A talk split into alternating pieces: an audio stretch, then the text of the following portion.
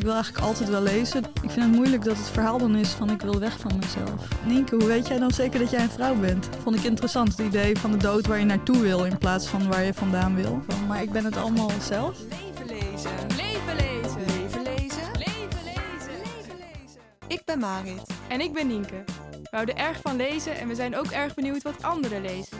Daarom gaan wij iedere aflevering in gesprek met iemand over diens favoriete boek. Kunnen we door middel van de literatuur het leven van onze gast leren kennen? Kunnen we na het lezen van de boeken ook de gasten lezen? Nienke, ik heb een vraag. Wat lezen we vandaag? Dat moet je vragen aan onze gast. Wat koos die uit de boekenkast? Jean-Paul Sartre of Saskia Noord? Of hebben we er nog nooit van gehoord? Leven lezen. Leven lezen.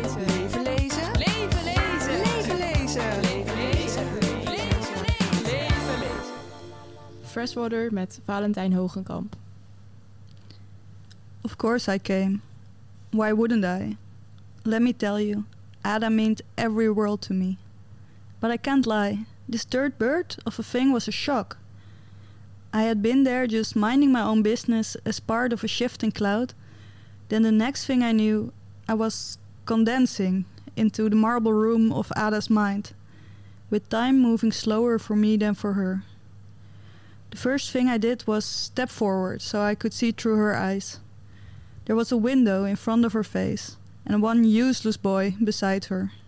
It was cold. I looked around the marble for Ada, and there she was, a thread in the corner, a gibbering baby. I didn't touch her, that wasn't my style. I've never been the comforting type. Instead, I sank my roots into her body, finding my grip on her capillaries and organs. I already know that Ada was mine, mine to move and take and save. I stood her body up. The boy was crying and angry, still sitting on the floor. Go then, he said, sulking. Go. I made Ada pick up his jacket, and then she and I walked outside. Once we were away from him, I released her and focused on the rush of being here. I felt drunk and full of life. It flooded the pockets of my cheek. It was a me. I had a self. I spun in the marble, giddy and ecstatic at existence, before remembering the reason I'd arrived. I swung around to check on Ada. Nou, we zijn niet ineens een Engelstalige podcast geworden, maar het lievelingsboek van onze gast vandaag is eh, nog niet in het Nederlands verschenen. Wel vertelde Valentijn ons net dat dat wel gaat gebeuren. Dat, dat is Ja, heel- ik weet dat Podium in ieder geval de deck of eh, v- The Dead of Vivek Oji. Het tweede boek van uh, Akweke Emesi wordt vertaald in het najaar door Podium. Ah, oké, dus niet dit boek. Eh, ik denk dat ze beginnen met het tweede boek en ik hopelijk, hopelijk gaan ze Freshwater ook nog betalen. Oké, ja, het is dus Freshwater van de Nigeriaanse schrijver Akweke Emezi. En dit boek gaat over eh, Ada, die verschillende Okbanye's in zich heeft wonen. Okbanye's zijn een soort reïncarnerende boze geesten en die proberen Ada over te nemen. Zo is er één Okbanye die Ada zichzelf laat beschadigen en heel veel laat afvallen om haar te laten sterven. Ook is er een andere mannelijke Okbanye die, als hij meer op de voorgrond treedt, ervoor zorgt dat Ada liever een jongenslichaam zou willen hebben. Door de Okbanye's geeft de schrijver een spirituele invulling aan mentale gezondheid. En een van de heel wonderlijke dingen aan dit boek is dat het verhaal grotendeels is geschreven vanuit het perspectief van die Okbanye's. Ik, ik geloof wel dat het zo is dat uh, Ade één Ogbanje is. Dat alleen Ashigura de Ogbanje is en de andere zijn andere geesten. Een Oh. Ogbanje is een soort wisselkind in de Nigeriaanse Igbo-cultuur. Een kind dat geboren wordt om te sterven. Uh, waarvan ze zeggen een kind dat met één voet aan de andere kant blijft staan. En dat zijn uh, familie terroriseert. Een kind dat veel boos is. En dus ik geloof meer dat Ade de Ogbanje is. Ja. En een aantal geesten in zich heeft. Oké, okay, dus Ada, het hoofdpersonage, is is, de Ogbanye. Is een Ogbanye. Okay, is, een, ja. is een a child born to die. Oké. Okay. Ja. En Valentijn Hogenkamp, die je net al even hoorde... Uh, en met wie we dit boek gaan bespreken, debuteerde in 2021 met de roman Het aanbidden van Louis Klaus. En dat werd lovend ontvangen in de Volkskrant en in het NRC Handelsblad met maar liefst vier sterren. En daarnaast schreef hij tien toneelstukken en schrijft hij ook poëzie. En aan het einde van deze zomer verschijnt van Valentijn het boek Antiboy. Leven lezen. Leven lezen. Leven lezen. Leven lezen. Leven lezen. Ja, we gaan het vandaag dus hebben over freshwater. Maar om te beginnen gaan we de eh, doorgeefvraag van Malou Gorter van de vorige aflevering eh, even aan Valentijn eh, stellen. Zij was namelijk benieuwd, omdat zij er heel erg bewust mee bezig is als ze een boek koopt door wie dat is geschreven. Eh, of jij dat ook bent en op welke gronden jij eigenlijk beslist om een boek te gaan lezen. Ik beslis eh, of ik een boek ga lezen nogal intuïtief. Wat ik heel lang heb gedaan is als een boek in een boek werd genoemd, dan ging ik dat als volgende boek lezen. Toen ik klein was, toen eh, las ik veel boeken van Stephen King. En die had het dan daarover, in had het in een van zijn boeken over The Catcher in the Rye. Dus dan ging ik The Catcher in the Rye lezen. En dan zei, opende dat met, ja, ik ga je niet over al die David Copperfield stuff vertellen. Dus dan ging ik eh, David Copperfield lezen. Wat leuk. En via die route ben ik wel de laatste jaren vooral op, op vrouwelijke schrijvers uitgekomen. En die noemen dan ook veel boeken die voor hem belangrijk waren. En toen, dus ik denk dat ik ook vooral thematisch lees. Toen was het een tijdje alleen maar eh, lesbische coming of age. Want de ene lesbische coming of age noemt ook vaak de andere lesbische coming of age. En nu eh, heb ik eigenlijk heel veel boeken over eh, genderdiversiteit eh, gelezen. En dan zoek je ook op wie het zijn. En dan worden weer in interviews, zegt uh, Akweke Emesi wie haar inspireert. En dan ga ik die weer lezen. Dus het is voor mij een soort pad van het ene boek. Maakt je eigenlijk duidelijk wat je volgende boek zou kunnen of moeten zijn. Dus je doet dat nog steeds, wat je als kind al, waar je mee begon als kind, dat doe je nog steeds. Ja, heel eclectisch. Maar ook slang geworden. Het is een slang, maar er is ook veel toeval. Want ik lees, ik wil eigenlijk altijd wel lezen. Dus ik lees ook wat er op een plek voorhanden is. Als er ergens een weggeefkast staat, als er iets op je wc ligt. Ik lees gewoon wat er is. Als ik op een vakantie ben en andere mensen hebben boeken mee, dan ga ik hun boeken ook lezen. En heb je dan ook dat je bepaalde boeken koopt en andere boeken niet koopt? Ja, ik ehm, eh, probeer boeken die nog niet op boekwinkeltjes staan. Eh, zoals eh, Freshwater, dat toen ik ervan hoorde was het nog heel nieuw. Dus dan ga ik daarvoor naar de winkel. Als het een ouder boek is, probeer ik het tweedehands te krijgen. Ehm, Ga je ook naar de biep of wil je alles zelf hebben? Ja, nou ja, ik vouw dus de hele tijd boekjes of hoekjes. Dat is wat ik doe als ik onder het lezen eigenlijk even een marker wil zetten. Beetje van, oké, dit is interessant. Maar ik wil er niet zo lang uitstappen dat je het gaat overschrijven. Of, eh, dus ja, en dat ik vroeger als ik, ik las inderdaad heel veel biepboeken. En dan moest ik ze allemaal weer fatsoeneren voordat ik ze terugbracht. Maar ik, ik, eh, voor de tot de pandemie las ik heel veel boek- biepboeken. Toen het dichtging ben ik gestopt. Ik heb me pas nog niet verlengd. Ik moet eigenlijk misschien weer beginnen. Ja. En afgelopen week schreef je voor Ilfo een blog over romans die zich tussen de traditionele genders en rolpatronen bewegen. En ook Freshwater noemde hierin. Maar wat wel opvalt is dat, er sowieso, dat het er sowieso heel weinig zijn. En dat eh, tussen die... Weinig op de Eh, lijst, bedoel je? Nou, dat, het- ja, ik vond het niet per se... Nou, ik had eh, de opdracht gekregen om 12 eh, titels te verzinnen. En ik eh, kwam tot 13 en ik kon niet kiezen. Maar toen ik het op Instagram zette, toen werd ik echt gebombardeerd met nog 20 titels van andere mensen. Dus, ik, eh, dus er is heel veel. Maar ik ben denk ik gewoon. eh, dit was eigenlijk bijna mijn beginpunt. Deze 13 boeken heb ik achter elkaar gelezen en hebben tot elkaar geleid. Maar er is, is nog heel veel meer dat ik gewoon nog niet kende. Ja, en wat ons ook opviel was dat het er maar drie Nederlandstalige titels waren. Ja. En ga jij de vierde schrijven? Ja, zeker.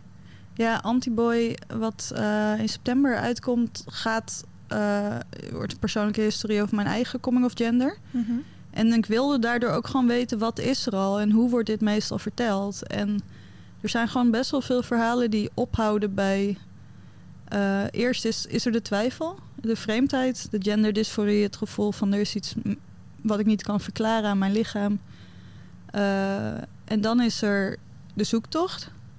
En vaak stopt het verhaal dan als je het zeker weet. Of als je in ieder geval het kenbaar maakt aan je omgeving. Maar ik vond zelf eigenlijk dat het moment vanaf dat ik het kenbaar maakte aan mijn omgeving was een beetje het begin. Van, oh jee, wat nu?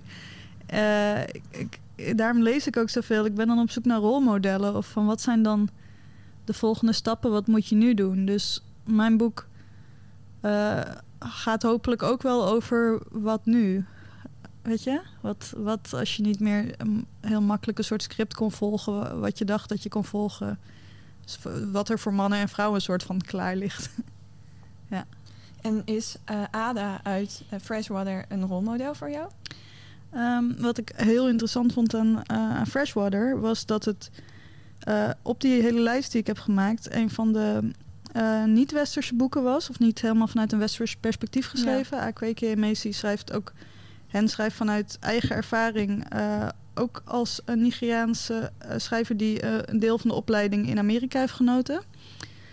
En die dus iets meemaakt wat in eerste instantie waar, waar hen therapie voor krijgt. Wat wordt geclassificeerd als genderdysforie, misschien schizofrenie. Er worden allerlei ehm, oplossingen gezocht in trauma, in behandeling.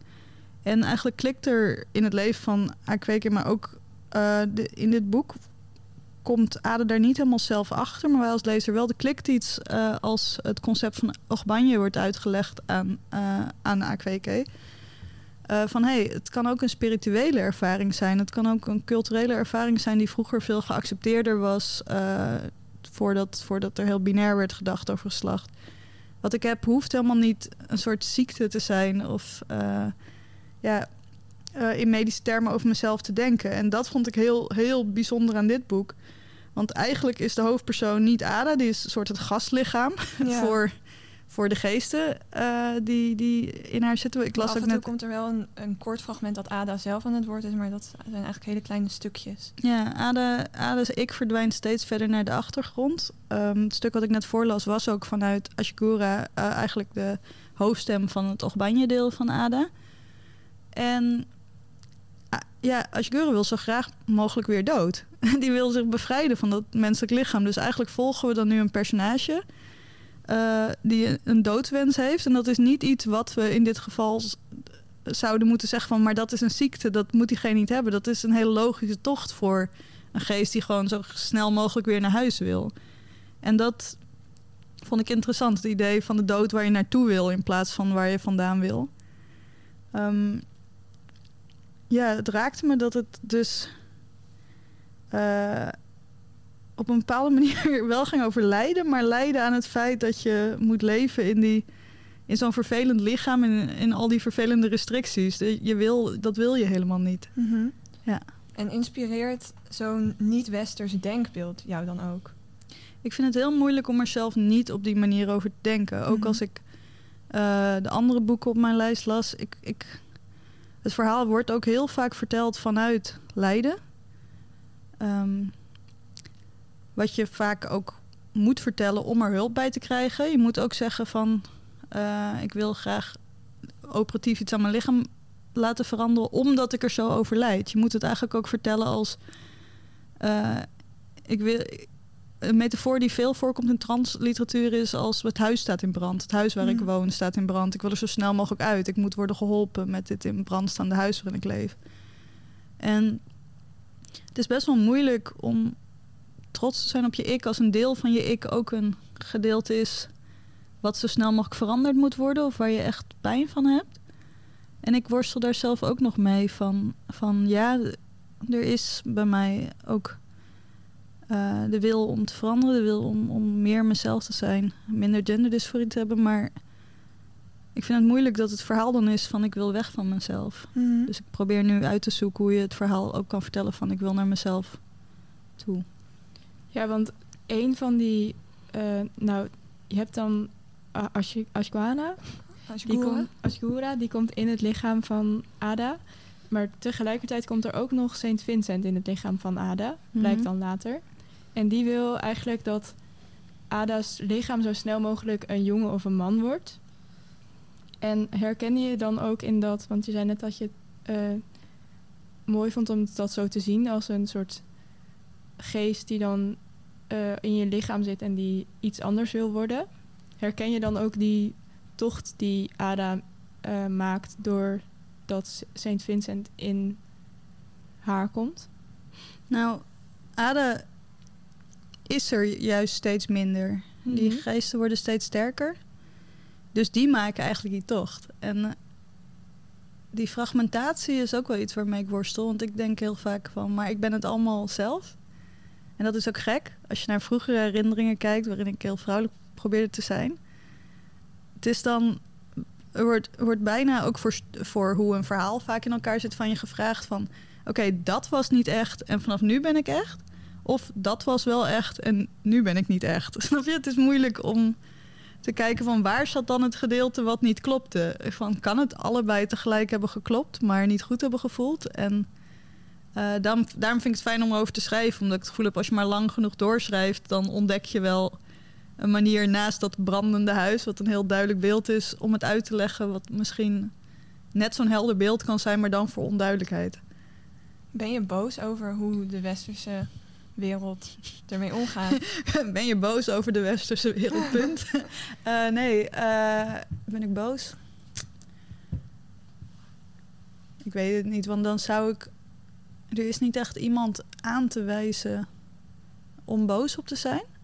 Alleen wat ik, wat ik moeilijk te begrijpen vind, is dat ik het gevoel heb dat iedereen gender doet. Iedereen een soort van bewust of onbewust heel veel keuzes maakt. Zo van wat zou ik als mijn gender doen? Van uh, weet je, hoe kan ik vrouwelijker zijn of hoe kan ik mannelijker zijn? Of doen we dit? Doen mannen of vrouwen dit? En het voelt soms alsof als je erover praat, van hé, hey, dit klopt niet, of ik zit meer in het midden, of ik voel dit niet. Dan moet je heel veel uitleggen.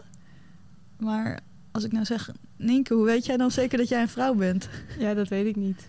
Ja. Maar ik denk ook dat het meer in het soort van het patroon van de, het, het westerse leven zit om daar zo op die manier mee om te gaan. En ik denk dat het dan heel moeilijk is om daar dan tegen in te gaan. Kan dat? Ja, ik denk dat we wel gewoon heel veel verhalen in ons hebben die je een kant uitsturen of die je gewoon ook onbewust het gevoel geven: dit doe ik goed of nee, dat zou raar zijn. En uh, ik zou wel willen dat. Ik zou willen dat bijvoorbeeld dat er geen mannen- en vrouwenafdelingen waren, dat al die kleren gewoon door elkaar hingen. Mm. Net zoals in een tweedehandswinkel wel vaak ook gebeurt. Ik zou willen dat bij heel veel dingen het gewoon door elkaar hing, zodat je minder duidelijk. Uh, sommigen gaan hier links en anderen gaan hier rechts. Weet je, zodat je minder duidelijk uit, uit elkaar wordt gehaald. En het gevoel hebt ook van dan moeten die anderen wel heel anders zijn. Ja. Ja, maar het is ook iets. Ik denk dat als je twee vrouwen vraagt wat is voor jou je vrouwelijkheid, geven die ook een ander antwoord. En soms er wordt wel veel gewicht opgelegd van als een non-binair iemand dan dat ja. nog gaat uitleggen, alsof dat dan nog mijlenver, weet je, of dat niet alsof dat dan gewoon drie belevingen zijn die allemaal hetzelfde gewicht hebben. Ja, ik denk wel inderdaad dat het klopt wat je zegt, dat iedereen altijd met gender bezig is, maar dat er dan geen gewicht op wordt gelegd als je dan man of vrouw bent. En dat, ja, wel heel interessant om over na te denken. Leven lezen, leven lezen, Nou, het boek gaat behalve over uh, gender ook over allemaal andere heftige gebeurtenissen. Ada maakt als jong persoon heel veel heftige dingen mee. En een van die dingen is um, dat ze wordt uh, gescheiden van haar moeder, die emigreert, terwijl zij achterblijft bij haar vader. En dan staat er op een gegeven moment And this is how you break a child. You know, step one, take the mother away. Um, jouw moeder is overleden en op die manier uh, ook niet meer aanwezig. Herken je in wat uh, Akweke daarover schrijft? Um, dat je als kind soort van gebroken achterblijft? Um, nou, mijn moeder overleed uh, een paar jaar geleden, dus toen was ik natuurlijk geen kind meer. Je bent wel altijd het kind van je moeder. Dat is waar. Wat ik wel herken is ten eerste, mijn moeder was best. Uh, had een hele, hele eigen opvatting van het moederschap. Dus die was gewoon heel erg afwezig, ook als kind. Mhm. Mm. En als alternatief daarvoor waren er drie andere vrouwen in huis die eigenlijk uh, mij hielpen opvoeden. Dus we, ik heb ze ook zondag nog gezien als een soort moedertjesdag. Dus het Oh, idee van moeder is voor mij ook vier mensen.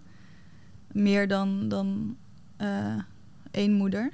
En wat voor vrouwen waren dat? Um, nou, dat waren drie vrouwen van ongeveer de leeftijd van mijn moeder. Uh, ze waren een soort oppassen, maar ze waren heel consequent er. En ze, we vierden dus ook moederdag met ze en ook hun verjaardag. Dus voor mij waren zij gewoon ook onderdeel van de familie. En ik bedoel, we hebben nu nog steeds ook contact met ze. En uh, een van hen, haar zoon, paste ook op ons. En we waren ook veel weer in haar huis. Dus het voelde gewoon alsof ik gewoon een hele grote familie had. En zij brachten ook alweer echtgenoten, kinderen en hun kennissen mee die ons dan weer naar school reden. Dus eh, ik denk dat ik wel een beetje door een dorp ben opgevoed. door een hele groep. Eh, maar daarin heb ik wel die afwezigheid gevoeld van... Ik had wel door dat andere mensen één persoon hadden die zijn moeder noemde. En dat dat ook wel iemand was... eh, waar je dus een verhouding tot kon hebben van goed of slecht. En ik had meer geen duidelijke verhouding tot haar. Want ze was gewoon niet zo vaak thuis. Of zo, ze was niet zo vaak. En dat raakte me ook wel in dit boek. Want eh, de moeder hier moet eh, op afstand gaan werken in een ander land. Ten eerste om geld te verdienen. Dus dan is er gewoon iets wat je als kind niet duidelijk begrijpt. Van, van waarom ga je weg? Ja. En dat is best moeilijk aan een kind uit te leggen vanwege geld. Het ligt niet aan jou, Ja. maar we hebben dat geld gewoon nodig. En ze heeft natuurlijk ook een de moeder heeft ook een slechte relatie met de vader. En daarom moet ze ook weg. Ja, op een gegeven moment is het dan ook dan... ehm zegt ze, ja, de, mijn vader heeft nog nooit naar mijn moeder gebeld in al die jaren. Ja. Soort, in kleine zinnen zit ook wel inderdaad die slechte verhouding. Dus ik herkende wel in dit boek ook een soort leegte. Die wordt bij Ada dan opgevuld door al de stemmen en al de geesten in haar hoofd. Maar er, eerst is er een leegte voordat die stemmen ook een plek, weet je, in haar geboren kunnen worden. Eerst zijn er mensen die er niet zijn. Waardoor er ineens bij haar heel veel mensen binnenkomen die er dan wel zijn. Mhm. Eh, dus dat is ook wel iets waar ik ook heel erg in ben geïnteresseerd van een soort leegte in jezelf. Van wat voor ruimte. Hoe hebben andere mensen die misschien ook bijvoorbeeld een duidelijke gendergevoel hebben, maar ook een duidelijke concept van familie of hier hoor ik thuis, dat is dan ergens gegroeid. Maar wat als dat niet groeit? Wat doe je dan met die ruimte? Wat doe je als je geen blauwprint in je hoofd hebt van zo zou thuis eruit kunnen zien, dit zou een familie kunnen zijn? Van ja, haal je dat dan van tv? Haal je dat dan uit Mhm. boeken? Of doe je maar wat? En waar heb jij die dan uitgehaald? best wel lang uit reality-televisie. Eh, maar eh, ook heel, heel veel uit boeken. En, En dus op uit, wat voor manier ging dat dan? nou, bijvoorbeeld, we aten thuis nooit aan tafel. Eh, maar dat zag ik wel in reclames. Dus dat was voor mij wel een soort doel van als ik op mezelf ga, dan moet ik een tafel hebben en dan moet ik Oh ja. aanzitten. Maar daardoor had ik ook gekke ideeën. Eh, want ja, je ziet in, op tv en in eh, reclames, mensen gaan niet naar de wc. Mensen hebben best wel lege huizen waar weinig in ligt. Niet echt leefbare situaties of zo. Waardoor ik ook bij heel veel dingen dacht, waarom werkt dit niet? Ja, omdat je niet in een reclame leeft. Omdat je niet in een showroom leeft. Ehm, maar ja, wie heeft mij opgevoed? Ik denk wel dat ik, doordat ik zo lang eh, vooral boeken heb gelezen met vrouwenrollen die een beetje, even heel snel een paar, paar archetypes noemen die ik vaak heb meegekregen. Ze is heel mooi, dus ze gaat een tragisch einde tegemoet. Dat. eh, en vooral ook als ze dan op een gegeven moment niet meer mooi wordt. eh, Dat, daar wordt heel veel van, oh nee, nu is ze verlopen. Oh nee, nu heeft ze kanker en is ze niet meer hot. Oh nee. Dat eh, was een vrouwenrol die ik erg voor me zag. Van oké, wanneer begin ik... Wanneer Wa- zal ik wanneer begint de verwelken? En, aftakeling? we- wanneer, wanneer is het einde van mijn leven? Dus elke dag even in de spiegel checken of het al, weet je, of, of het grote tragisch al had ingezet. En wat heb je verder? Ja, een soort, een soort heel bland meisje dat eh, heel ja, vriendelijk is en god, ja, eh, plichtsgevoelig en zo. En daarnaast heb je dan een heel bitchy meisje die dan die krijgt altijd, weet je, dat loopt altijd verkeerd af. Die is heel rijk en heel mooi, maar het loopt toch verkeerd af. Maar dat ene soort van koppig doorzettende, brave, goede meisje zal uiteindelijk beloond worden. Dat vond ik ook echt een scam. Ik kwam er steeds meer achter van... Nee, veel mensen die het ook goed hebben, die extravert zijn, die rijk zijn... die hebben daar hun hele leven plezier van. Die worden daar helemaal niet op een ja, dag die voor... moraal uit.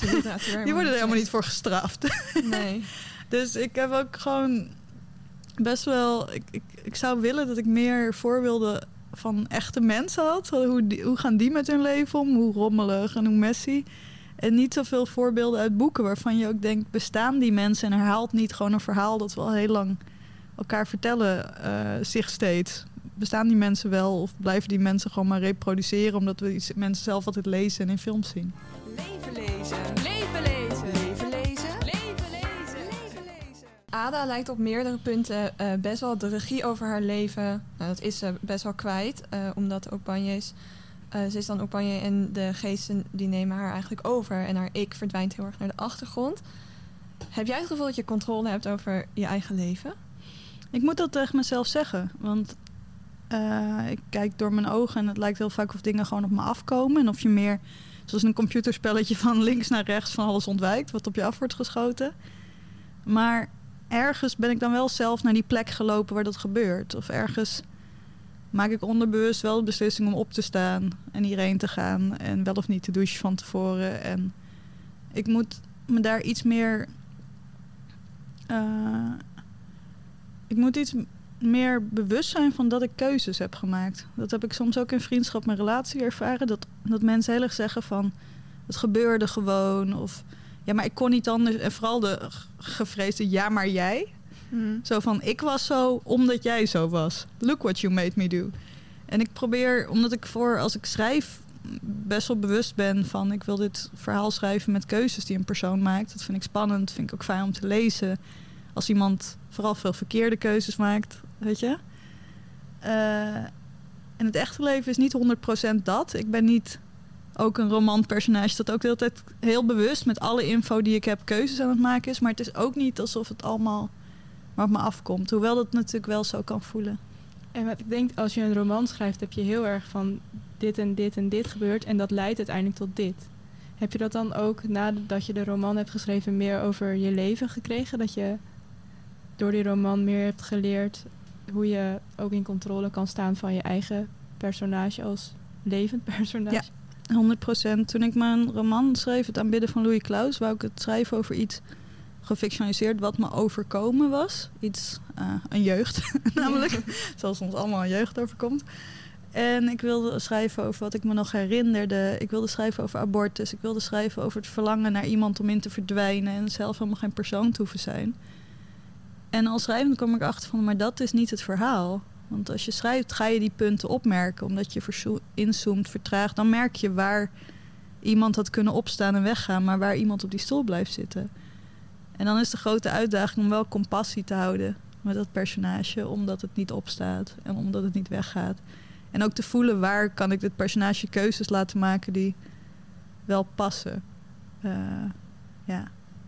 Maar daardoor ging ik zelf ook wel iets meer zien van... hé, hey, ik blijf ook vaak zitten terwijl ik op zou moeten staan. En ik wilde heel graag eh, ook... Zoals ik me over mijn eigen gender voelde, wilde ik met mensen gaan delen. Maar dat deed ik deelt maar niet. Ik liet altijd het moment voorbij gaan. En nadat je een heel boek schrijft over allemaal personages die de hele tijd het moment voorbij laten gaan, werd ik me daar wel heel bewust van. Dus dat heeft mij wel aangezet tot van, eh, ja, om het ook openbaar te maken. De doorgeefvraag. De doorgeefvraag.